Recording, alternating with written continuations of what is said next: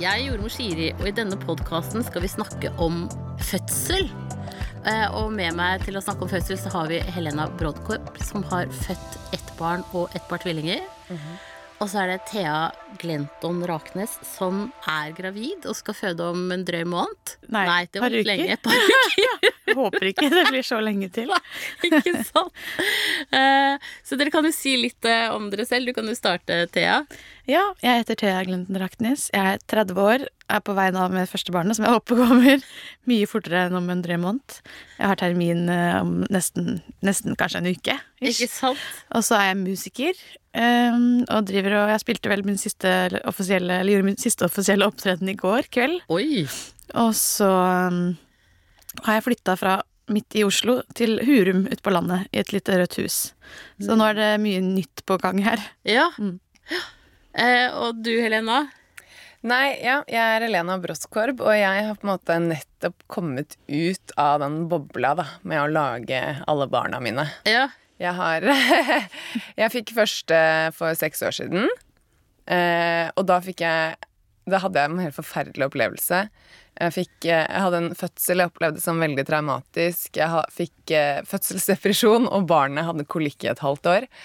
Eh, da skrev jeg en bok som het eh, 'Mammasjokket'. Ikke sant? Og den er utgitt på Kagge forlag. Det er den. Eh, Så det kan hvem som helst kjøpe både på nett og i butikk. Løp og kjøp, folkens! Ikke sant? Eh, Så etter det så ble jeg liksom på en måte hele Norges fødselsdeprimerte mor. Så nå blir jeg alltid ringt, da, hvis jeg skal ha et, eh, noen for å fronte Ikke sant? Noen deprimerte. noen deprimerte mødre for å fronte. Men jeg har jo fått flere barn etter det. Jeg ble jo gravid, ironisk nok, med tvillinger. Hadde mannet meg opp til å gi dette barnet et søsken, liksom. Ja. Og så eh, satt jeg der på ultralyd med bena spredt. Og så liksom et, sånn, et slags monster på den skjermen med åtte armer og åtte ben og skjønte liksom ingenting. Så viste det seg at eh, du venter tvillinggutter. ja. Og da gråt jeg jo. Jeg gråt og gråt og gråt. Satt der med blottet kjønn og gråt. Ja. Eh, Men det har jo gått kjempefint. Nå er guttene mine tre år. Ja.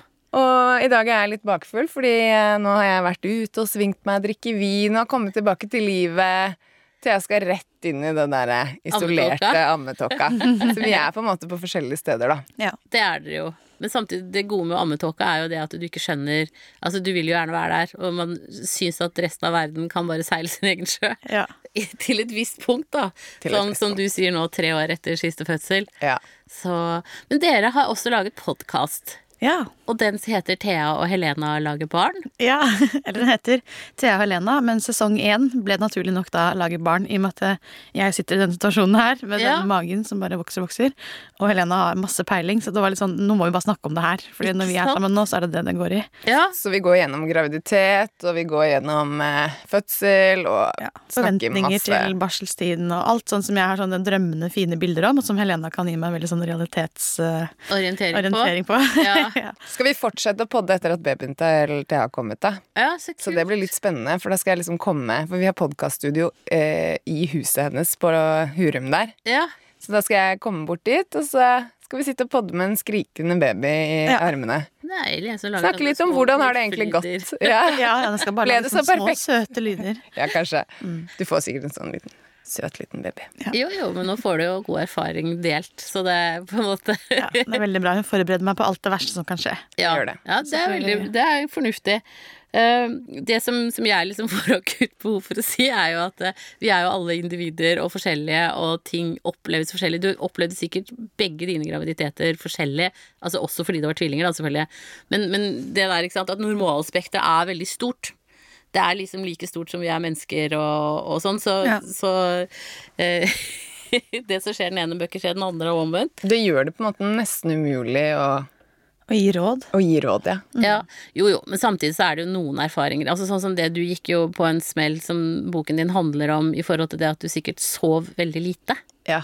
Eh, og det er jo på en måte, det er jo en killer eh, for folk flest. De Det er- har jo gjort undersøkelser på det med sånne militære folk, hvor de legger dem i en seng og frarøver dem søvn og, og stimuli og alt, og de blir jo gale i løpet av fem dager. Ja, ikke sant. Jeg var jo fader meg Jeg ble jo ko-ko. Ja, Så Så, så det, men det, var, det kom jo da etter fødselen. Ja. Eh, og heldigvis så er det ikke så mange som blir så, så hardt angrepet som det Nei. du ble, da. Får vi vel si. Jeg er veldig glad i å sove. ja. Ja, Hvordan skal dette gå? ja ikke sant. Du tar bare med deg ungen i senga. Ja. Det gjør jeg. Jeg også elsker å sove. Men folk er sånn, de skremmer med at du kan rulle over den og sånn. Nei, nei, nei. Nei? Ok. Nei, du gjør ikke det. Nei. Altså, du har masse instinkter som gjør at du ikke, ikke gjør det. Men faren da, han kanskje han har dårligere instinkter? Hva om han ruller over den? Nei. Men man må ikke drikke. Nei, alkohol er jo greit, eh, for Ja. da blir du, jo liksom, mister du litt instinktene dine. Ja. Eh, men men eh, det, det var jo en lov på rundt 1905 omtrent. eh, Men da lå jo folk, hele familien lå i sengen sammen. Og da jobbet jo folk veldig hardt. Men da var det lov å ligge i hjel én unge, men ikke to. Herregud, det er jo helt sjukt.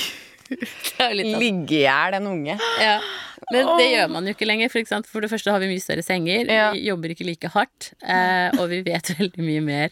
Ja. Sånn som du sier, ikke sant? det med alkohol. Ikke lurt å, å drikke alkohol og, og samsove. Nei. Eh, men ellers så Og så har jo ungene lyd.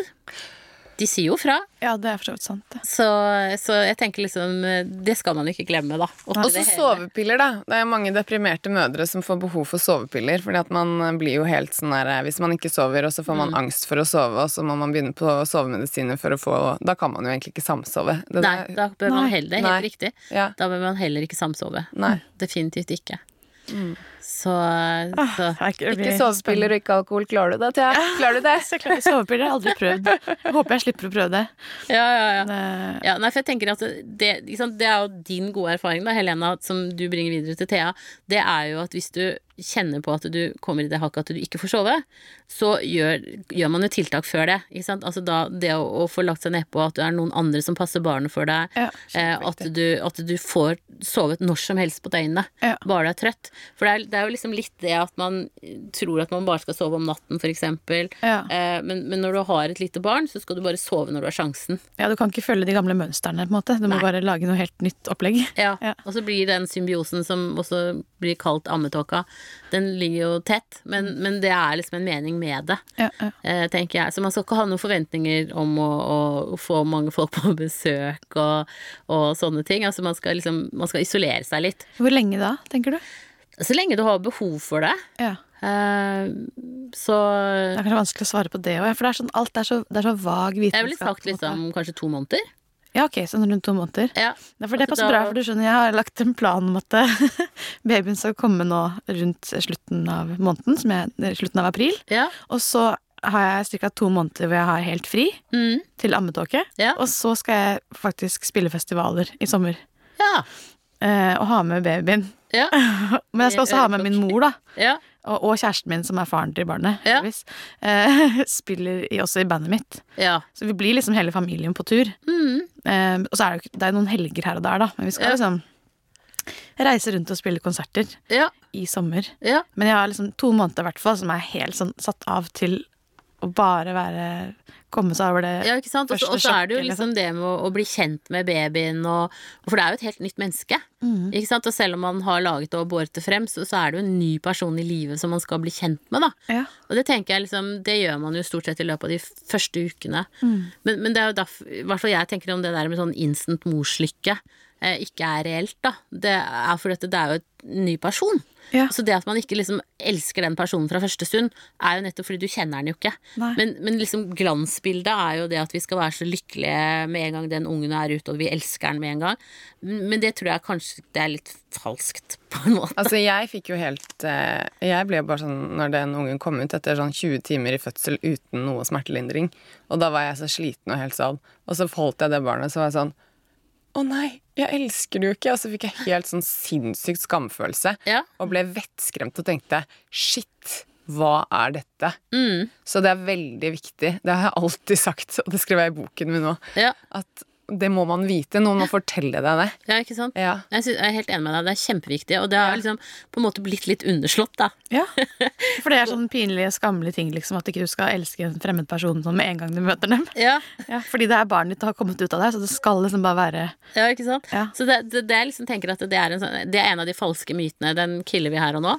Eh, Man må ha litt tid i begynnelsen, Ja. rett og slett. Og hvis folk er på en måte sånn at de kommer på besøk og ikke går og sånn, så bare gå inn på soverommet. Eh, Sett deg der med ungen og vær for deg sjøl hvis det er Ja. vanskelig å kaste folk ut. Ok. Det Det, er hender veldig, jo det. det. opplevde jeg jo. Jeg syns det var vanskelig å sette grenser. Jeg Mhm. kjente selv at jeg var helt sånn ikke sant? I barseltiden så er man helt sånn Man er så hudløs, Ja. og man trenger ekstremt mye tid for seg selv. Ja. Og man blir sliten, og man kan bli bare sånn akutt kjempetrist. Så har du besøk, ikke sant. Ja, Mm. ja. Og så kjenner du bare at nå har jeg bare lyst til å begynne å gråte. Ja, Ja. Alt var så koselig, Ja. og du kommer med noen blomster og Ja, liksom. ja. Så, ja. Og det er vanskelig. Da kommer f.eks. svigermor på besøk og er så ikke sant? For alle har jo så lyst til å hilse på dette nye barnet og Ja. føler at de har lyst til å ta en del av det. og Begynner å holde det og sånn, og så plutselig sånn, kan du få helt sånn ting som du tenker at du eh, Du er jo ikke en sånn person som blir sjalu når liksom en eller annen sitter og holder babyen din for lenge. Men det kan man plutselig opp, altså sånn, Ja, kan ja. man oppleve. Helt sånn ting som kjennes irrasjonelle, da. Ja. ja, ja. Masse Få den tilbake. Ja, og så plutselig Ja, ja. sånn Nå er det nok. Den babyen er min. Ok, Ja. gå! Å, guri malla. Ja, For det har jeg tenkt også sånn Hvordan skal man Jeg vet at det kommer til å være en hel horde med folk som vil komme og hilse på den babyen. Ja. Og det har allerede vært diskutert det her med at eh, der jeg skal føde, så er det ikke lov for familie å komme opp inn på der hvor du Nei, ikke sant? Ikke sant? Veldig Så greit. da er det veldig sånn Å ja, men hva da må vi liksom sitte nede i kafeteriaen, og så må babyen komme ned dit, og så var jeg sånn Ja, det er kanskje ikke så hyggelig for folk.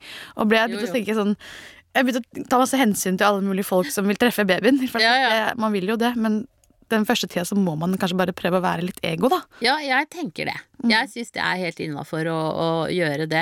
Og så og så si liksom at eh, Jeg ville i hvert fall satt av de første to ukene, nøkternt sett, eh, til venner og kjente at de får bare drøye den.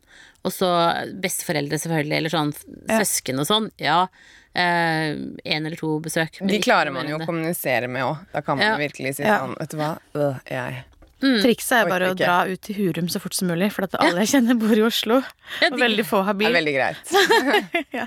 Ja, nei, men rett og slett altså, isoler deg litt. Og så, og så, fordi de dagene der er så verdifulle. Ja. Eh, og så er det jo sånn, melken kommer jo ikke i gang før på dag tre stort sett. Og, eh, og det er jo en sånn gråtedag. Eh, som heter Ja. liksom bluesdagen, og da, da løsner alt. Da løsner tårene, melken, alt. Eh, og da er man helt hinsides. For at det, da skjer det en sånn stor hormonell omveltning i kroppen. Men det er helt normalt. Eh, men det er også sånn som er greit å vite, da. Ja, det visste jo ikke jeg heller, så jeg fikk jo helt Hva faen skjedde nå? Ja, der gikk proppen. Jeg satt og gråt og gråt, og så kom det liksom en jordmor bare som banket på døren. Jeg satt der alene og gråt og følte at livet mitt bare var over, og at jeg helst Det var ville deg det dø. var noe gærent med. Ja. Og så kom noen og banket på. 'Hei, går det bra her?' Og jeg var bare sånn tørket tårene sånn kjempefort. og Var sånn 'Det går kjempefint!' Åh. Og så må man liksom holde inne alt, føler man. Men egentlig så burde det jo være rom for å bare sitte og gråte på, eh, på barselavdelingene. Mm, mm, burde det. Og, ja, og det burde komme noen sånn gråtekoner og være sammen med deg. Bare sånn, jeg er her for deg, dette er Få det naturlig, ut. få det ut. Ja. Som du sier om babyen, få den ut. Ja. og så Etterpå så skal du Få ut tårene. få ut tårene også. Ja, nei, så, det er noe sånne, så, så jeg er liksom litt for det at, eh, at eh, kjør, kjør det du føler for, da. Ja, ja. Eh, absolutt. Det er veldig bra, for jeg driver og videreformidler alt det her til samboeren min nå. Da. Bare, sånn, Ja. bare så du vet det. Så for eksempel, Ja, ja. sånn der, etter Det er jo babyen kommer, så kommer morkaka. For det visste på en måte ikke jeg først, så det har jeg lært Nei. nå. Og så fortalte jeg det til han. Ja. Så vet han det. Ja. Og så sa jeg sånn, ja, og så henger navle, den slutten på navlestrengen henger fast i babyens eh, mage ganske lenge, så den må vi rense og sånn. Hæ, gjør den det? Ikke sant? Så jeg forbereder han på alle disse tingene som jeg får vite. For Ja. han er jo enda mer clueless enn meg, liksom. Ja, ikke sant? Og det der med barseltårnet ja, den- Dag tre så må du bare forberede deg på en gråte, gråtestorm. Ja, Og det er helt Mm. normalt. det er Ikke helt bli redd. normalt. Det er helt Kjempebra. greit. Fordi jeg, tenk hvor mange menn som har tenkt, hva faen skjedde med dama mi? Ja. Ja, ja, ja. Nå har jeg Mm. mista ja. henne for alltid. Nå har hun blitt helt gæren. Ja. Ja. Og, så, og så er det jo normalt altså Menn kan jo også få reaksjoner. Mm. Så, så jeg tenker at man må liksom på en måte være åpen for det hos begge. da Ja. Eh, Men det er klart at de er, de er jo liksom ikke like stort sånn hormonelt opprør eh, som det ny, nybakte mødre er. Så det pleier å være litt sånn roligere. Men det som er sånn i forhold til urolige barn og sånn, det er jo at, eh, at de kjenner jo igjen farens stemme Ja. eh, rett etter fødselen. Eh, Så det å, at far kan ha barnet oppå brystet hvis det er veldig rolig, og så hører han hjerteslagene til faren og stemmen, det er sånn som er veldig ålreit. Ja. Eh, Så de kan brukes som litt sånn eh, koseklut, eh, Det er helt topp. så Ja, så mor kan ta koselig. seg en tur i dusjen eller hva du vil. Ja, ja. Det Ikke er sant? kjempebra. Mm. Altså, de er viktige, de er superviktige. Det, det er sånn de første dagene hvor det ikke er noe døgnrytme eller noen ting, og man er jo, trenger jo å sove etter en fødsel, så anbefaler jeg at barnet bare papp, f- Far passe på barnet mens mor får gå i et annet rom og legge seg litt, og så kan heller bare far komme inn når det er tid for mat. Men bare Ikke sånn sant? at man får den fullstendige iso- isolasjonen noen ganger også. Ja, det tror jeg er kjempelurt. Ja, Det er veldig viktig. Og gjerne bare ørepropper og prøve å isolere seg helt, og bare få de derre tre timene med bare sånn helt stille søvn. Ja. Så, så det tenker jeg er lurt. Og så tenker jeg liksom dere som Du, er, jo en- du synger jo. Ja. Eh, og barn re registrerer jo sanger som har vært sunget eh, mens du var gravid. Å ja. Så det kan jo hende at noen av de sangene kan virke også beroligende på, på barnet. Så det kan du jo sjekke ut da hvis eh, ungen er urolig. Ja, ja. Eh, så, så sanger som har vært, vært hørt under graviditeten, de, de kan ofte virke beroligende. Det Eh. er morsomt. Da, må jeg liksom, da kommer jeg til å bli veldig lei av mine egne låter.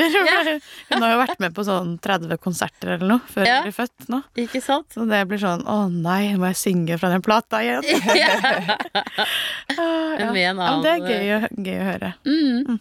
Så, så det tenker jeg det, det er jo sånne ting man kan gjøre. Eh, I hvert fall hvis, hvis barn er urolige, da. Ja.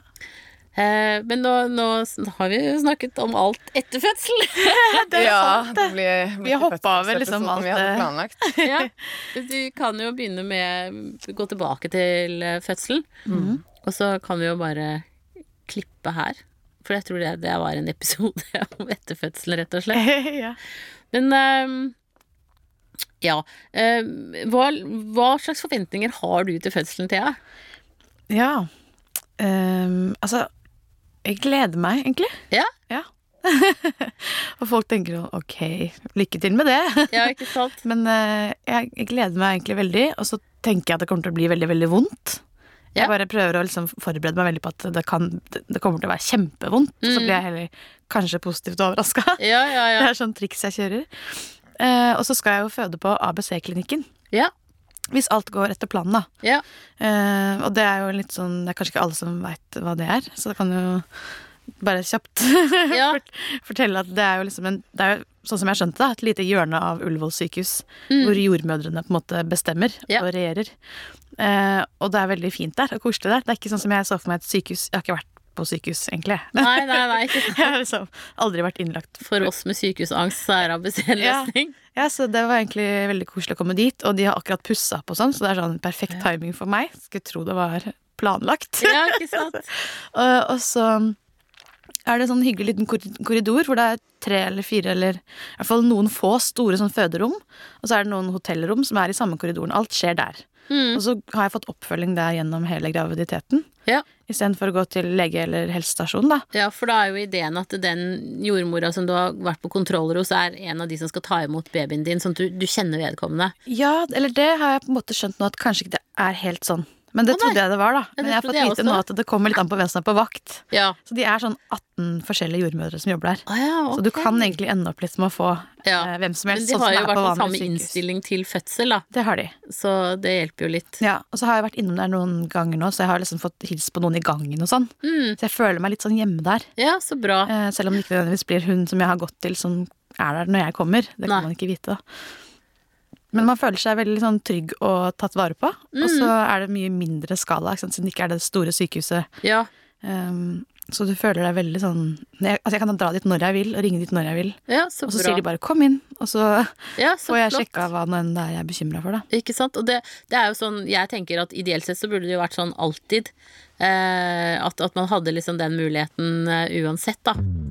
Jeg er jordmor Siri von Krogh, og du finner meg på nettsiden min altformamma.no. Jeg er på Facebook både med jordmor Siri for de som er gravide og venter barn, og så med Alt for mamma for de som har født og har små barn i huset. Og så er Alt for mamma på YouTube, og på Instagram så er det hashtag alt for mamma. Send meg gjerne en e-post om temaer på podkast.jordmorsiri.no. Og har du en historie å dele eller et hjertesukk, så kan du lese det inn på telefonen din, og så kan du sende det til meg på mail. Og da kan vi bruke det i podkasten. Og da må du også si fra om du vil være anonym eller ikke. Mm, Det du skal gjøre, er, siden du flytter ut til Hurum, er jo Ja. å ta kontakt med jordmora der. Jeg vet ikke om du har gjort det. Nei, Men det har for jeg å tenkt få på. hjemmebesøk én til tre dager etter at du kommer hjem, Ja, jeg burde kanskje registrere meg der på en måte. ja, bare ta og ring dem, Ja. og så snakk med dem. Fordi at eh, det er liksom nye barselretningslinjene, at du skal få hjemmebesøk. Og da ser de eventuelt på sting hvis du har noen, og hjelper deg med ammingen og, og sånne ting. Da. Og så kommer helsesøster etter hvert og, og hjelper deg med babyen. Ja. Sånn at, eh, at det kan være ålreit siden du skal flytte. Så jeg tenker, Ja, ikke sant? Ja, vi har jo flytta, men eh, da hadde jeg liksom fått plass på ABC. ja, Man må jo søke og skrive brev og sånn for å få lov til å komme inn der. Det føles veldig sånn som en opptaksprøve omtrent. ok, ja. Eh, Man skriver sånn mot- motivasjonsbrev ja. hvor du Det er som forklarer et eliteuniversitet. Såpass. Jeg er ikke s- Ja, veldig sånn. Ja, for de har jo begrensa med plasser der, åpenbart, siden det er sånn liten avdeling. Ja, det blir fort fullt. Ja, så de blir jo liksom, du blir liksom sjalta ut, egentlig. Så Ja. du må være liksom under en viss alder. Jeg vet ikke om det er under 35 år. Og så kan du ikke ha hatt noen komplikasjoner, og så må du ikke være røyker. Og det er masse sånne ting. Mm, Eh, og hvis du er heldig liksom, og oppfølger de der, eller fyller de kravene der, ja. eh, og i tillegg de mener at du kan tåle For du må også si at 'jeg vil føde uten epidural'. Ja, ja. ja. Du sier ifra deg det. Mm. Og det kan du se sånn som på Ullevål nå, hvor eh, mer enn 50 av alle som føder, får epidural, og mer enn 70 av førstegangsfødende får det. Så, så her begynner det å bli ganske sånn eh, Ganske sært og ikke eh, Ja, du er litt eh, sånn unik sånn sett, da. Mm. Men, eh, men, eh, men det er klart, ikke sant, og, og det er jo på Ullevål, og skulle det skje noe, så blir det jo flytta over. Ja. Men, men ideen bak det er jo at eh, din innstilling gjør jo også på en måte at du s- kanskje står lenger i en fødsel, da. Ja, og det at du føler deg så trygg, da. Så det er jo liksom Det virker jo helt fantastisk, egentlig, at alle jordmødrene er sånn Det her er vi så trygge på, og de veileder deg gjennom det, og du går til samme stedet på kontroller, og liksom Du føler deg så trygg og tatt- tatt vare på. Så Ja. at du kanskje ikke spenner deg like mye som du ville gjort hvis du bare kom inn på et sykehus og ble kasta rundt og masse Ikke sant? Ja, ja. Og så og så er det også litt det der eh, at du, altså du blir jo på en måte motivert til, til at den smerten er en Det er ikke en farlig smerte, da. For det er jo ikke sant, altså kroppen vår når du har smerte, så er jo det et varsel om fare. Ja. Eh, mens akkurat i fødsel så er det jo fordi det er så trangt Ja. at det gjør vondt. Ja. Og at du på en måte repeterer det inni hodet ditt under fødsel, at eh, dette er ikke farlig, men det er trangt. ja, ikke sant? Eh, og det tenker jeg at eh, med, der er det mye bedre jordmorbemanning enn på, på vanlig avdeling. Da, sånn at du blir på en måte hjulpet litt mer til å holde fokuset på, på det normale, og at Ja. dette er ikke farlig, da. Ja, for det var det hun sa. Jeg spurte liksom forrige gang jeg var der, så har jeg hørt at de har noen alternative former for smertelindring. Ja, Eh, og da har jeg hørt rykter om f.eks. akupunktur og litt sånn. Ja. At de har sånne store badekar. ja, Og så spurte jeg ja, er det sånn at dere tilbyr de forskjellige tingene, eller sånn, hva kan jeg ha av smertelindring? Bare sånn at jeg er forberedt på det når jeg ligger der og liksom s- lurer på hva jeg kan be om. og ja ikke sant? da sa hun altså den viktigste formen for smertelindring vi har, det er jordmor. Ja. Fordi vi er der og sier at dette er ikke farlig, alt går som det skal. Den smerten du kjenner på nå, skal du kjenne på ja. keep, keep on trucking, Ikke sant? liksom. Ja. Ja. så det var akkurat det at det, bare at du får vite at det ikke er fare, men at det er, det, det er riktig at den smerten er der. Mm, mm. Så det var litt sånn å ja, ja ok. ja ikke sant? men jeg kunne få akupunktur hvis jeg ville. Ja. Mm. Ja, ja. Og så virker jo for mange altså badekar kan virke lindrende, da. Ja. Jeg må jo tilstå at jeg fikk fullstendig klaus oppi det karet, så jeg kom meg ut. Men Ja, for det der kan er jo hende man man veldig får det også. forskjellig. Ja. Er det varmt vann, liksom? Ja, så det, Eller den temperaturen som du føler Ja. liksom er behagelig. da Ok. Og så mange syns det er godt å så- å så dusje over maven med litt varmere vann akkurat når riene står på. Mm. Mm. Ja. Men, men jeg skulle føde på Ahus, og der hadde de bare sånn helt vanlig lite badekar. Og for meg så ble det helt Ja, det er altså litt trangt å komme seg opp og ut av det. Ja, Men jeg orket i hvert fall ikke være der. Nei, jeg klarer ikke å ta bad i badekar nå, jeg, så det er så slitsomt. Jeg, blir, jeg føler jeg har løpt, løpt en maraton hvis jeg liksom prøver å ta meg en dusj, liksom. Så det å komme seg ned i badekaret og opp igjen er sånn åh. Ja. Så ja. Og du er jo på en måte også i den fasen i graviditeten nå hvor du begynner å, å føle deg stor og bli litt lei. ja. Ikke sant? Det var sånn som Helena knyttet lissen for deg i stad. Du, du når jo ikke ned ingenting. Sånn at, eh, at det også er jo en veldig sånn driver for å føde, da. Eh, For, for to måneder siden så hadde du det, da var du ikke så stor. Nei, man strutta og følte seg helt topp, Ja, ikke sant? liksom. Da var det bare wow. Ja. Eh, Men nå er det på en måte mye tyngre, og det, det er jo også en del av prosessen, da. At man faktisk blir møkk lei. Ja, vi må få den ut og få kroppen sin tilbake, liksom. Ja. Altså, jeg har jo vært tvillinggravid, Ja, Ja. det er det. og tvillinggravide, de er De mørke. svære. Ja, Herregud, og det er sånn her, Jeg var inne på internett annenhver dag, og der var det bare sånn her, en tvillinggravid som bare var sånn Nå har jeg vært oppe på, på sykehus og grått, og jeg har stått og grått, og jeg orker ikke, de la meg De, de setter ikke i gang. Ikke sant? Det var sånn her, Folk klikker uker Ja. de siste ukene. Hvor, hvor lenge gikk du med tvillingene? Til eh, 36. Ja. Mm. Det er vel Ja. Det skjedde av seg selv, og det var helt eh, Det var helt greit at det skjedde da. ja, ikke sant? Da hadde du fått dosen. Ja. Ja. Men Fødte du vaginalt, eller? Ja, Ja. jeg gjorde det, altså. Og det var eh, egentlig en veldig fin fødsel, men ikke sånn fin eh, som ide Ikke sånn, idealfødselen ikke er. sånn te- telys og Nei, veldig medisinsk. Ja, det Og- blir det jo med tvillinger. Ja, og det var jo kanskje ti stykker inne på det rommet, sant. Mm. For du må jo ha dobbelt sett av alle. Ikke sant? Du har to jordmødre, to barnepleiere, to barneleger.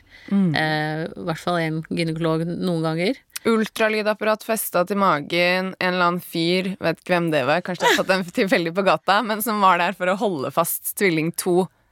Når tvilling én var for løst, Ah, ja. sånn at ikke tvilling to begynner å svømme rundt, men holde tvilling to i posisjon for at han også skal kunne Komme med hodet først. Ja. Ja. Så alle sånne ting, ikke sant. Og masse studenter, da. Selvfølgelig. Det måtte jeg jo Ja. si ja til. ja. Måtte du det? Nei, Nei, du men, må man- ikke. nei, men jeg følte jo liksom Shit, det er sport, Herregud, ass. det er klart. ja. Nå var det først når det var så mange folk der inne, hva har Ja, f- far fra eller til. Ja, men det var jo sånn Jeg lå jo en centimeter over senga, følte jeg. Jeg klarte ikke å slappe av. Og det sa jordmor til meg. Hun bare 'Helena, nå Eller 'nå presser du ikke alt du kan'. Jeg holdt tilbake. Jeg var liksom Jeg var ikke avslappa. Nei. Men, men var det basert på liksom førstefødselen din, eller var det bare sånn generelt situasjonen? Det var nok basert på første, for jeg hadde jo Jeg, jeg syns jo min første, første, første fødsel, den syns jeg var helt forferdelig, og jeg klarte ikke helt å bearbeide den, så jeg tror også det hadde en innvirkning på at jeg ble deprimert. Ja. Det var jo, ehm, det var jo sånn 18-20 timer før Altså med intense rier før Ja. barnet kom, og jeg fikk ikke noe eh, smertelindring. Nei. Og jeg tror sånn etter eh, 10-12 timer eller noe sånn, så sa jordmor at nå kanskje det er greit at du får en epidural fordi du er så sliten. Mm. Eh, Og jeg hadde jo ikke sovet noe døgnet før heller. Det, Nei, var ikke sånn, sant. ikke sant? det er jo sånn typisk, det skjer når du kommer hjem, og så eh, har du ikke sovet på et døgn, og så bla, bla, bla. Hadde du ikke vært på fest? Og Jo, jeg hadde vært på fest, ikke sant. Det var sånn klokka var to når vi kom hjem, og så la vi oss, og så våkna jeg liksom etter en halvtime, og så var det i gang. Ja. Så det var ikke noe sånn der eh, perfekt utgangspunkt. Men eh, jeg, eh, det som skjedde med den epidura epiduralen, var at den ikke virket. Nei. Så Det hender jo noen ganger at den ikke gjør, eller at den virker bare på den ene siden. ja, jeg ble lam i det ene beinet, liksom. Ja. Og så er det jo så kø. Altså, de der anestesilegene, de er jo de mest populære mannfolka på hele sykehuset. Løper rundt der, og det var sånn Nei, vi får se. Og så tok det liksom to og en halv time før han kom tilbake og skulle fikse på den. Eh, og så sa han liksom 'nå er det ordna', men det var jo ikke ordna. Men før jeg hadde klart å registrere det, så var han long gone, og så var det to Ah. timer til, ikke sant. Og så ble det aldri noe smertestillende, da. Nei, da blir det jo litt tullete. Ja, altså det opplevde jeg som sånn herre Og jeg tror jeg ble sånn Jeg hadde det så vondt så lenge. Det var helt sånn herre Jeg ble helt sånn Og så var jeg- ble jeg helt sånn Er det mulig å ha det så vondt uten at noen hjelper deg på et sykehus? Ja, ikke sant? Så etter det så var jeg helt sånn og når jeg, Da var jeg sånn Jeg må vite at jeg kan få smertelindring. Og de var veldig kule på Ullevål. Jeg fikk lov å komme opp dit og sitte på et sånt kontor Ja, på med en tvillingene, lege som liksom. satt og tegnet for meg liksom, hvordan dette her skulle gå bra. Og jeg var sånn, kan det være noe med meg? Jeg var så redd for at det var noe eh, med min anatomi, da.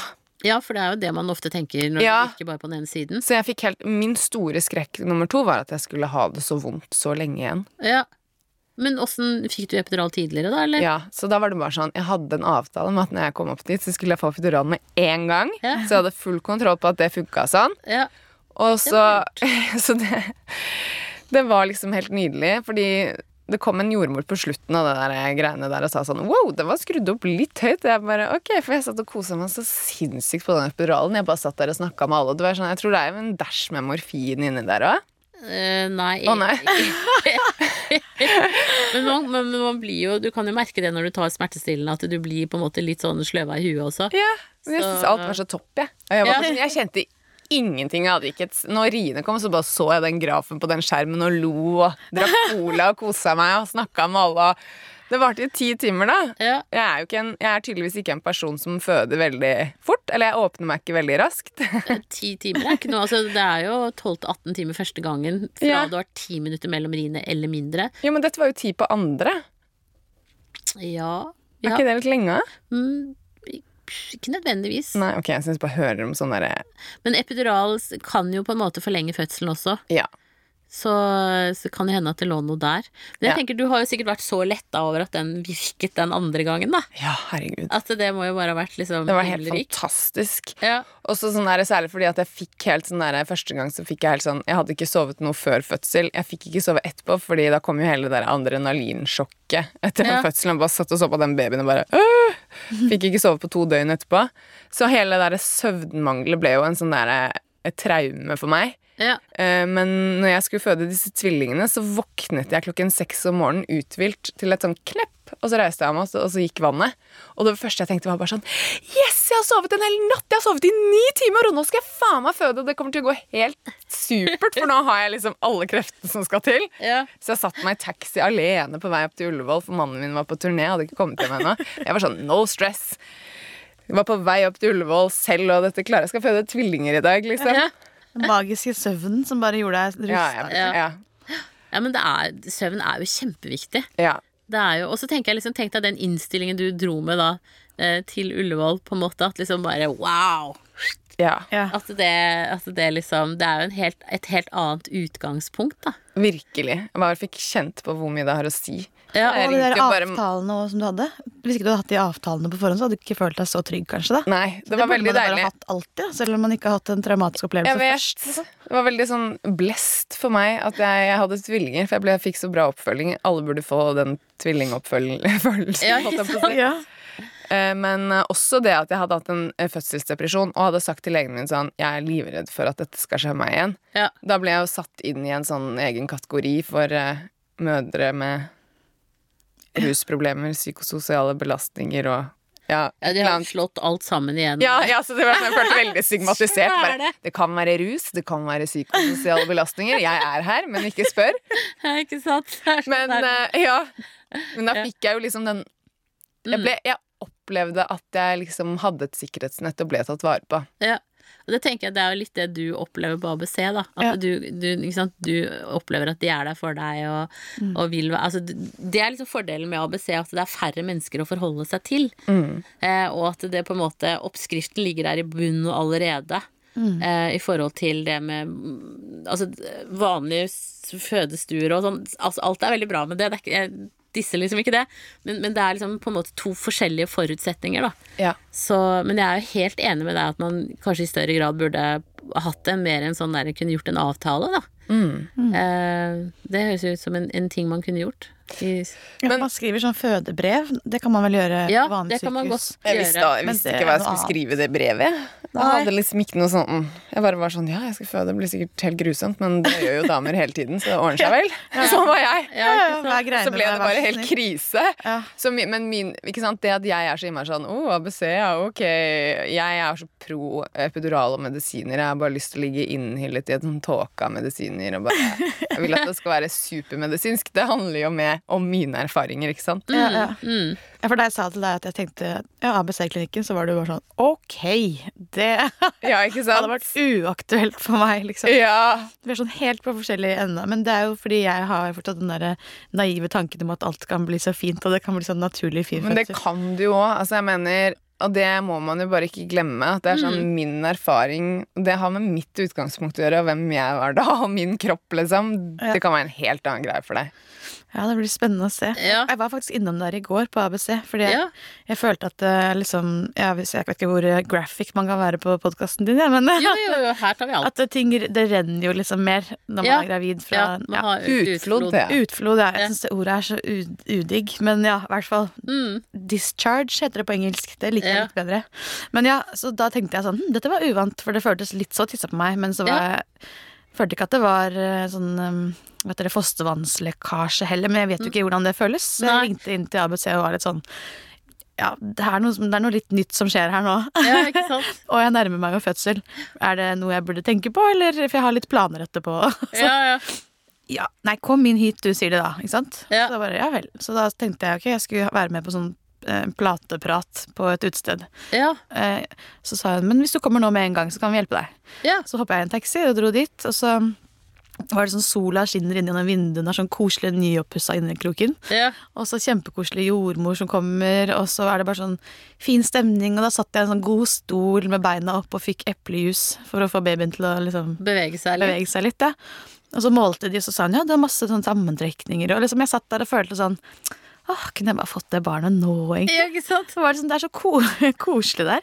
Jeg tror det har så mye å si, for hvis det hadde vært en sånn klinisk skummelt sykehusplass, så hadde Ja. jeg sikkert vært sånn åh, jeg er jo her, da ville jeg ikke vært der aleine engang. Nei, ikke sant. Fordi man føler at man liksom er så trygg der. Så er det Ja. helt sånn Det har så mye å si. Ja. Mm. Nei, men det, og det er jo opplagt det at det, det der med kjente og kjære omgivelser og alt det- altså, og de tingene har noe å si. Ja. Og det er jo altså, de- Noen føder jo hjemme for å ha liksom maksopplevelsen på det, da. At det er viktig at du liksom ikke Men det er jo en annen greie. Eh, men, men jeg tenker liksom det der med forventningene, at det, det har mye å si også. Eh, og jeg tenker liksom sånn det du sier, at det- når du hadde alt på plass til den andre fødselen etter den første som var liksom en traumatisk opplevelse, så, så slappet du jo mye bedre av. Eh, og, og det å føle at man har kontroll over noe som faktisk ikke er helt kontrollerbart, eh, det er jo på en måte et veldig mye bedre utgangspunkt, da. Men det må jeg også si til deg nå når du skal føde, at Ja.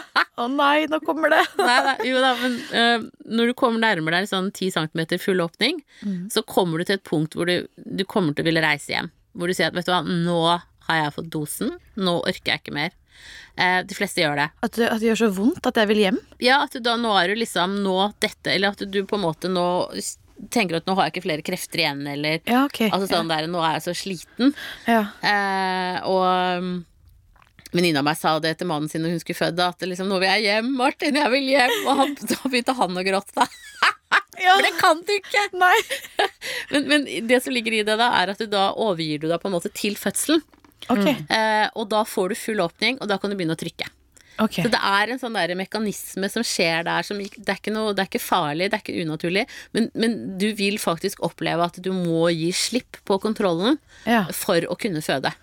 Eh, og det tror jeg er på en måte i, i vår verden i dag, hvor vi er liksom så opptatt av å ha full kontroll, så Ja. Mm. er det faktisk ganske vanskelig. Eh, men, men det er faktisk noe alle fødende opp, altså, må gjennom, da. Eh, Ja, og det det er da- vel også Men er det på en måte sånn at eh, Fordi jeg har tenkt at jeg skal liksom gjøre en jobb og liksom få den ungen ut.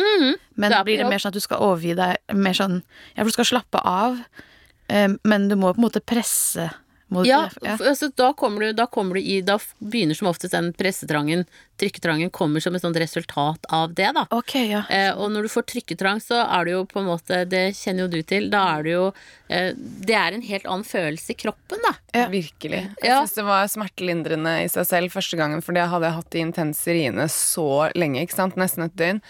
Og da når det, smerten på en måte flytter seg Ja. med de pressriene, Mm. og det blir liksom Endelig skjer noe. Ja, Ja. og det, det, løs- det, hele den der s- kroppslige smerten hvor det bare er helt sånn der, øh, Den tåken liksom forsvant. Og så, det er jo kjempevondt å skulle presse ut en unge, Ja. men bare for meg at smerten flyttet seg, var sånn Åh. Helt fantastisk. Ja. Og det opplevde jeg jo ikke andre gangen fordi jeg hadde epidural. Nei. Sånn at eh, det var sånn sjokk for meg eh, når ting ble skrudd av og jeg skulle begynne å presse. Og jeg bare Å, fy satan, så vondt. Jeg trodde disse gutta her var små, men det føltes som å presse ut en melon. Skrudde de epidural- epiduralen når du skulle presse ut tvillingene? Gjør de, eh, ja, de gjør kanskje ikke det? Nei, men Jo, jeg, bare- jo, det jeg kan godt følte at hende det de gjorde det. sveis og s- Det var sånn sinnssyke smerter å presse ut. Altså, den smerten var helt intens. Ja. Men det tenker jeg at den må, jo- det må jo også ha vært relativt til at jeg faktisk hadde sittet der og ikke kjent noen Mm. ting før. Ja, det er sant. Da fikk du ikke den lettelsen helt. Nei, det ble ikke noe lettelse med de eh, Nei. Det, det, er liksom det som skjer når du, når du kjenner på smerten, da, det er at det, liksom, det bygger seg jo opp. Ja. Eh, Når du ikke har epidural, så, så bygger det seg opp, og så tåler du mer og mer. Og så Ja. utskiller du endorfiner i kroppen. Ja. Så det er klart at hvis de skrur ned på epiduralen idet du skal trykke, så Ja. går du på en smerte som er ganske så intens. Og Da det blir var det liksom fra ganske start jævlig, til ass. Jeg vet ikke hvorfor de gjorde det. Hvorfor kan de ha gjort det, egentlig? eh, Altså det er antageligvis for å gi deg den trykketrangen. Ja. Eh, men du, du skulle jo ikke gitt deg liksom full smerteopplevelse, tenker jeg. Da faller jo litt av vitsen med epidural kanskje bort. Ja, jo, men altså, jeg hadde jo hatt det veldig deilig inntil da. da. Altså, Mm. Ja. min, min skrekk var jo å ha smerter over lang tid. Ja. Jeg tar gjerne intense smerter ganske eh, kort, Ja. men det der å liksom bare Du føler deg innesperret i et sånn helvete i timevis. Ja. Det var min Ja. angst. Mm, ikke sant? Så det, men det, så det slapp du jo da, Ja. også andre gangen. Ja, ja. Jeg er jordmor Siri von Krogh, og du finner meg på nettsiden min altformamma.no. Jeg er på Facebook både med jordmor Siri for de som er gravide og venter barn, og så med Alt for mamma for de som har født og har små barn i huset. Og så er Alt for mamma på YouTube, og på Instagram så er det hashtag alt for mamma. Men kunne du kjenne når du trykket at eh, barna gikk nedover, liksom? Eller på, han, eller på den første, i hvert fall. Når du ikke hadde en god epidural. Kunne du kjenne det da? Nei. Nei. Nei, for det, Noen ganger så kan man det. Ja. At du kjenner at det, det å presse virkelig liksom gir Mm. Å, resultater. det, det må jo da. være helt fantastisk. Nei, det har jeg aldri Så- vært borti. Jeg har aldri vært i kontakt, liksom, på Nei. den måten som jeg liksom ser for meg at eh, sånne der perfekte, naturlige fødedronninger er. Sånn at de bare Å, jeg jobbet med kroppen min, jeg kjente at det ga mm, Og så er det pustet liksom sånn her ut, Å, sang jeg det kan ut. aldri bli den dronninga der, liksom. Nei, jeg tror det er veldig få som egentlig Ja, Ja. det tror jeg, og det er sånn nok For å en være sånn der ærlig. irriterende Så bare, og ting. moren min var sånn her Å, på deg, Helena, du var jo nummer tre. Ja, nei, da bare dro jeg deg ut selv. Og bare bar deg Ja, jeg bare Å, gud. Ikke nok med at vi skal være pene og liksom eh, ta vare på oss selv og Du alt skal sånt. skvatte i et Vi badekar skal og også føde dra på en ut sånn ungen din. fantastisk måte. sant? Herregud. Nei, Det er det der klart, er noe altså- tull, føler jeg. Og føde nummer tre er nok også lettere da enn Ja. én og to og sånn. Det skal jeg aldri oppleve, for jeg har bare født to ganger. Og jeg Ja. skal ikke ha flere barn, Jeg synes du dessverre. har vært ganske heldig som du har født bare to ganger, men du har fått tre barn. Det er effektivt. Veldig bra. Ja, ikke sant? Men det, er Mye jo for for, det penga, det. finnes jo massevis av damer som elsker fødsel, og jeg kan forstå dem veldig godt. Altså, jeg mener, det blir jo faen meg ikke mer intenst enn å føde et barn. Nei. Altså, Nei. i, og det opplever man jo få ganger, men det er så sterkt, uavhengig om det er jævlig eller fantastisk, så er det bare så sterkt, og du er bare så tett på livet og døden på en måte du aldri kommer. Ja. Så jeg kan godt på en måte forstå hele den derre em, bevegelsen av liksom kvinner som blir veldig, nesten litt sånn Obsessed. obsesst med det.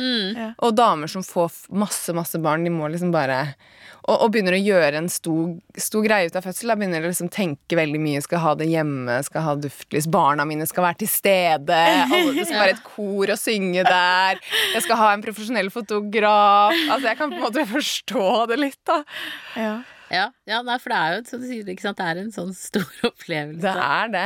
Jeg Lurer på om man kan, kan man bli avhengig av det rushet det gir? Det kan man sikkert, da. Ja, det gir jo et veldig sånn der eh, rush, det gjør jo det. Det er en av de tingene, jeg har jo ikke jobbet på føden på 20 år, men jeg kjenner jo på det, det, det der å ta imot barn. At det, det er jo noe jeg savner, for det er jo innmari morsomt. Ja, sånn Altså, det er action. sånn, ja, og det er en liksom Du får jo lov til å være til stede i et veldig viktig øyeblikk i folks liv, da. Ja. Mm. Så akkurat den derre Så jeg ser absolutt den du snakker om, at det rushet At man kan liksom bli litt sånn avhengig av det, da. Jeg har Og veldig nå- sånn der kynnere nå, så det kan jo hende du er heldig å få, få sjansen. Ta imot Men jeg merker jo at ikke sant, når jeg kommer til å få den SMS-en som Thea kommer til å sende ut til venner og kjente sånn av babyen sånn Nå er Ellie her, eller hva hun skal hete, og nå hun veide så og så mye, og alt er bra med mor og barn. Den der. ja. Mm. Da For du kommer får jeg litt melkespreng. Ja!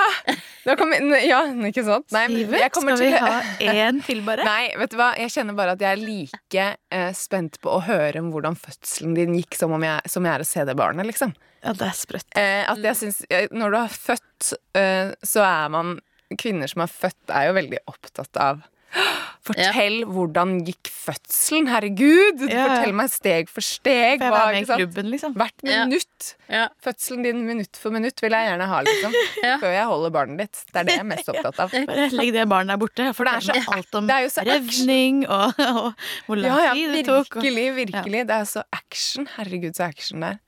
Mm. Ja, men det er det jo absolutt. Jeg har Mm. vært så heldig, noe jeg har vært heldig med, men at vannet mitt har bare splæsj godt, da. Ja.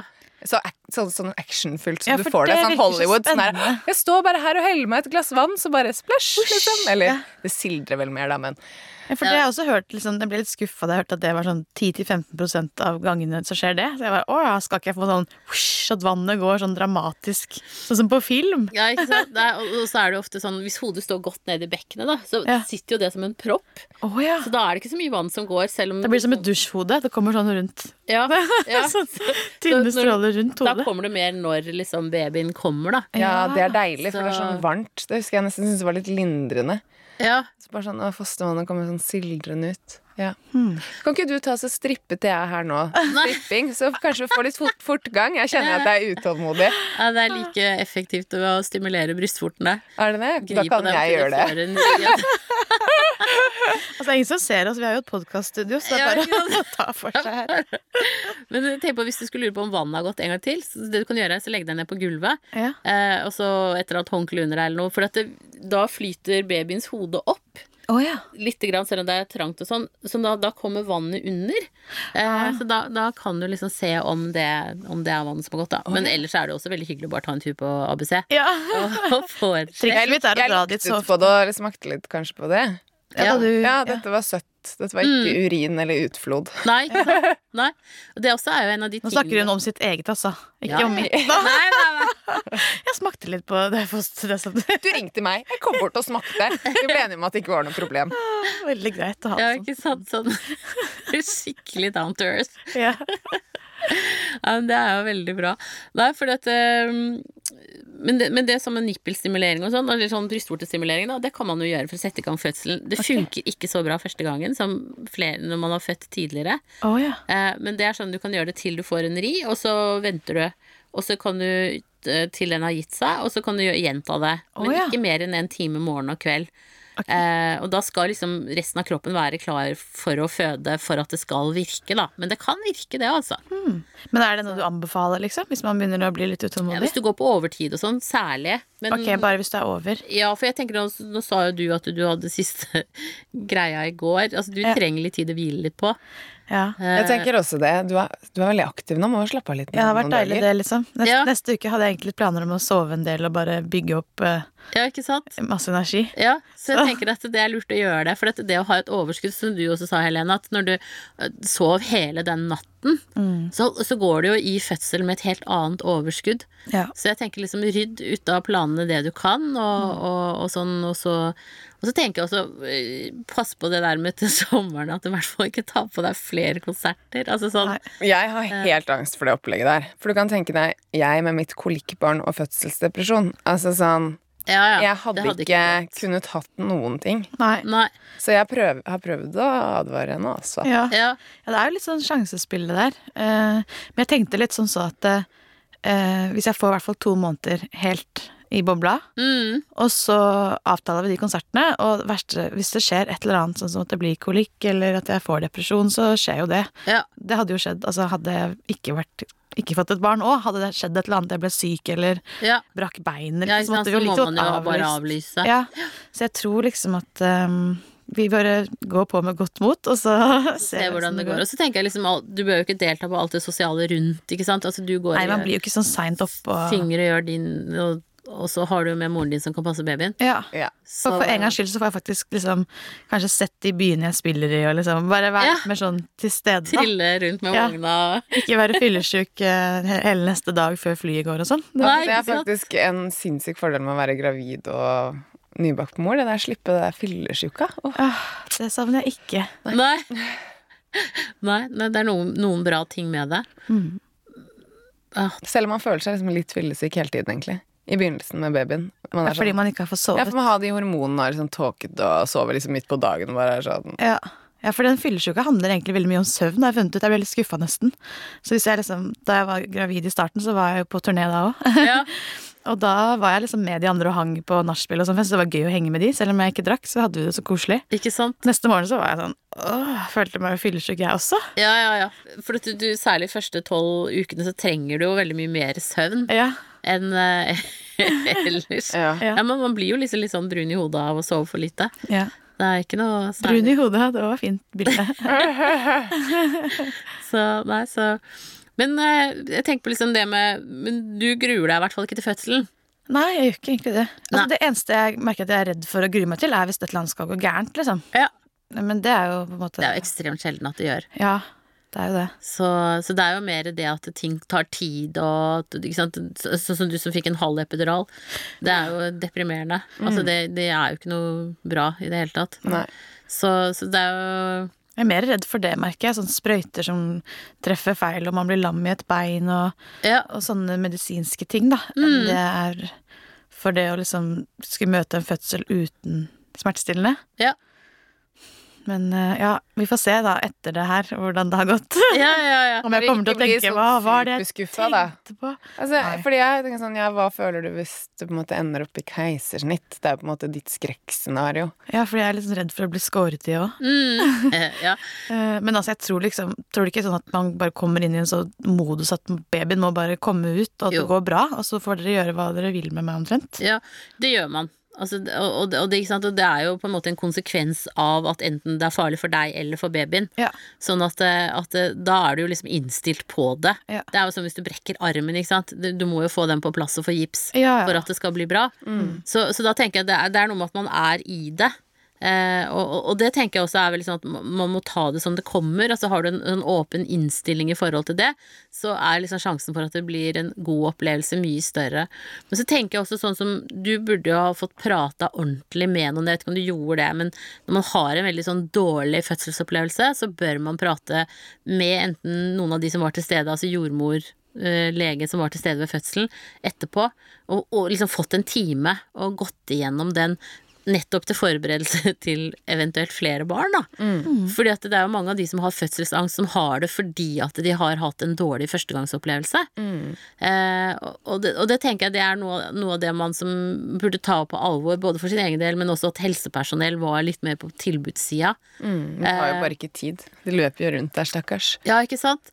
Så det, det er liksom det jeg tenker nå, sånn som det, at hvis du får bedre jordmordekning i, Ja. ute i kommunene og sånn, at, det, at, det, at du har liksom rom for det, da. Altså, det gikk jo ti dager eller noe sånn etter at vi kom hjem med den babyen før vi snakket med noen. Ja, Oi, Da- da, da jeg lå- var du var sånn- deprimert og hadde Nei, jeg var bare sånn der, Jeg bare satt der, jeg var helt sånn fjern. ja, Jeg tror jeg hadde masse undertrykte følelser. Og så bare Jeg fødte 18. desember, og så var det julaften, og så bare sitter man der på sånn julaften med hele familien, og alle går rundt juletreet, og du bare sitter med det barnet og bare stirrer sånn her. liksom. Jeg følte at det var sånn en vegg mellom meg. Jeg hadde nok mye jeg skulle snakke om da, som bare var sånn Ja, men da må livet gå videre, dere! ja. Hurra! Kom igjen! Eh, ja. Og det er jo noe av det med å få jordmor tidlig hjem etter fødselen, da. Ja. At da kan man faktisk snakke om de tingene. Og det er gjort en undersøkelse på, på Drammen sykehus for noen år siden som viste at eh, altså personell som har vært med på en traumatisk fødsel også, eller sånn en hard fødsel, da, de også har godt av å prate om det. Ja. Etterpå. Og de kvinnene og mennene som fikk pratet om fødselen etterpå, de har mye mindre fødselsangst Ja. eh, til neste år. En mye mindre traumatisk opplevelse, selv om det var en heftig opplevelse. Ja. Så ha, da får man liksom bearbeidet det. Det Så, er jo posttraumatisk stress, liksom, på samme måte Absolutt. som folk som har opplevd noe forferdelig på en annen måte. ja. Eller sånn. Hvis det blir stående, ikke sant, at man ikke gjør noe med det, så kan det gå over i posttrauma- Ja. posttraumatisk stress. Ja. Ja, Tenkte nei, at men det jeg, jeg, man merker jo det også på Hvis man n- Nå er jo vi en del av et ganske sånn åpent miljø med mange damer som liker å snakke og ikke har så mye skam og sånn. Mm. Mm. Eh, og da merker man jo hvor mye snakk det blir om fødselen etter en fødsel. At folk har sinnssykt mye behov for å snakke gjennom det. Ja. Snakke om det mange ganger, snakke om det til alle vennene, og så snakke om det igjen, og så snakker vi litt om det igjen, og så går det noen Ja. timer, og så å, herregud, og så Ja, ja. At det er Man har behov for å liksom debrife. Ja, veldig. Igjen og igjen. Ja, det tror jeg veldig Ja. på, altså. Jeg tok imot eh, søsteren min sin sønn, eh, og da gikk eh, han Terje, faren og jeg, vi gikk ut Altså, han ble født på morgenen, da. Og så gikk vi ut på, gikk hjem og sov, og så gikk vi ut på byen etterpå og, og pilsa. Ja. Snakket om fødselen. Ja. Og da satt, da satt jeg og pratet med han i seks-sju timer, da. Wow. Eh, Og vi bare pratet og pratet og pratet. Ja. Så tenker jeg liksom, Det også er sånn underslått, da. Menn også kunne hatt Trenger å- godt av ja. å, å, å prate Ja, ordentlig det om tror jeg fødselen. virkelig. Og særlig kanskje fordi, ja, sånn som Helena sier, man kan jo snakke med venner og familie om det igjen og igjen, men det å kunne snakke med noen som faktisk var der, da, Ja. og på en måte hva skjedde egentlig, sånn hvis man kunne fått en time med jordmor eller lege eller hvem som er til stede, da. Mm, jeg Fordi tror det er må jo veldig virke som en sånn så blurry, merkelig greie. Bare sånn, Hva skjedde egentlig der, og, og hva var det, og liksom Ja. Men de kommer vel inn og gjør det, gjør de ikke det? Jo, de skal det, Ja. altså. Men det er, har nok litt sånn med hvor god tid de har å gjøre. Det Mm. er det. Og så er det jo ofte med det at den som var til stede gjorde det, og du gjør det ganske rett etterpå, så har du jo liksom partogrammet, den fødselsbeskrivelsen, da. Eh, hvor du ser hva slags rier du har, og, og hvordan du åpner deg og sånn. Ja. Eh, og hvor du kan liksom se at ok, på deg så var det, ja, der fikk du epidural eh, og sånn og slik. Også der fikk du kanskje drypp for å stimulere eventuelt. Altså sånn. Men hvor, du kan se liksom teknisk de tingene som skjedde, men det, alt det som foregikk, det muntlige, det nonverbale, det må man jo ha vært der for å kunne se, da. Ja. Eh, og da tenker jeg liksom, det å kunne da snakke med en som har vært der, er jo veldig, veldig ålreit. Jeg husker liksom sånn der at jeg ble helt sånn Fikk nesten sånn crush på hun jordmoren som at, Ja. Jeg tror det er ganske vanlig at man bare blir helt sånn her At jordmoren blir bare det mest fantastiske mennesket du har Ja. møtt i hele ja, Som har ditt redda deg, liksom. liv. Jeg var sånn, jeg drømte om henne etterpå, liksom. Ja. Jeg hadde bare lyst til å dra hjem til henne og sove på sofaen hennes og bare være sånn Hold rundt meg. Ikke sant? Så man skulle kanskje hatt litt mer tid med jordmødrene, faktisk. Ja. At det er et viktig bånd som, kanskje sk- eller som knyttes der, da. Mm. Med hun som forløser barnet ditt og redder deg i krigen, rett og slett. Ja. Før så hadde vi jo det. Så hadde vi jo en time med hver fødekvinne etterpå på barsel. Ja. Så vi gikk, eller på AUS så gikk det ned en etasje, eller hva det gjorde, da. så, så, så hadde du en time hvor man snakket sammen før, før de dro hjem. Ja. Og det var veldig ålreit. Det tror jeg egentlig er veldig viktig. jeg. Ja, så det, det er det liksom ikke tid til lenger, og det er Det er helt sånn, tragisk. ass. Jeg hater det der eh, opplegget som nå. Ja, At det skal være så økonomisk bestemt. Ja. Omsorgen blir jo bare kuttet i alle ender. ja. Ja. Og det er veldig dumt. Og så kan man jo si at nå når folk skal reise hjem innen eh, Noen skal- skal reise hjem innen åtte timer etter fødselen, eh, så, så kunne man jo s- brukt de penga, da.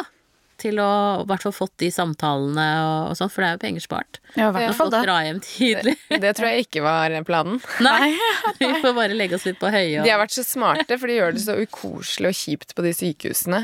ja. bråkete med svingdører. Du hører bare sånn piping hele natten og mød andre mødre som skriker, og du bare har lyst til å komme deg hjem. Ja. Så sånn sett så har de virkelig vært lure. ja, ikke sant. Alle er bare sånn 'Å, fy fader, jeg må bare få Komme meg meg ut vekk herfra. Jeg vil hjem og hvile'. Ja. Ja, Ja, jeg ikke bare i sant? Det er går på synd, da. ABC. Jeg ville liksom ikke dra hjem. jeg. Jeg Nei. synes det var så koselig å sitte her i den gode stolen, og hun var så søt og koselig, hun jordmora. Ja.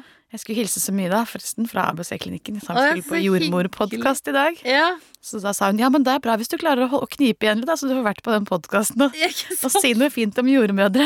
Ja, ja, ja. Jordmødre, de trenger å Ja, bli for oppskrytt, fordi de Herregud, så fantastisk. Ja, bare den klemmen jeg fikk da jeg dro derfra, hun ga meg liksom en god klem. Men det er sånn, hvor ofte får du en klem fra helsepersonell? Ja, Ikke sant. Så jeg bare Det liksom. er sånn, ikke sant. åh, god og varm klem, jeg håper jeg ser deg snart igjen, liksom. Ja, ikke sant. Da gleder jeg meg faktisk til å dra tilbake dit og få den babyen. Ja, og det er jo Istedenfor å- kjempeflott. Og jeg tenker, altså, det er jo sånn det burde vært. Altså, det burde vært mange flere sånne små fødestuer. Det var jo det før. Mm.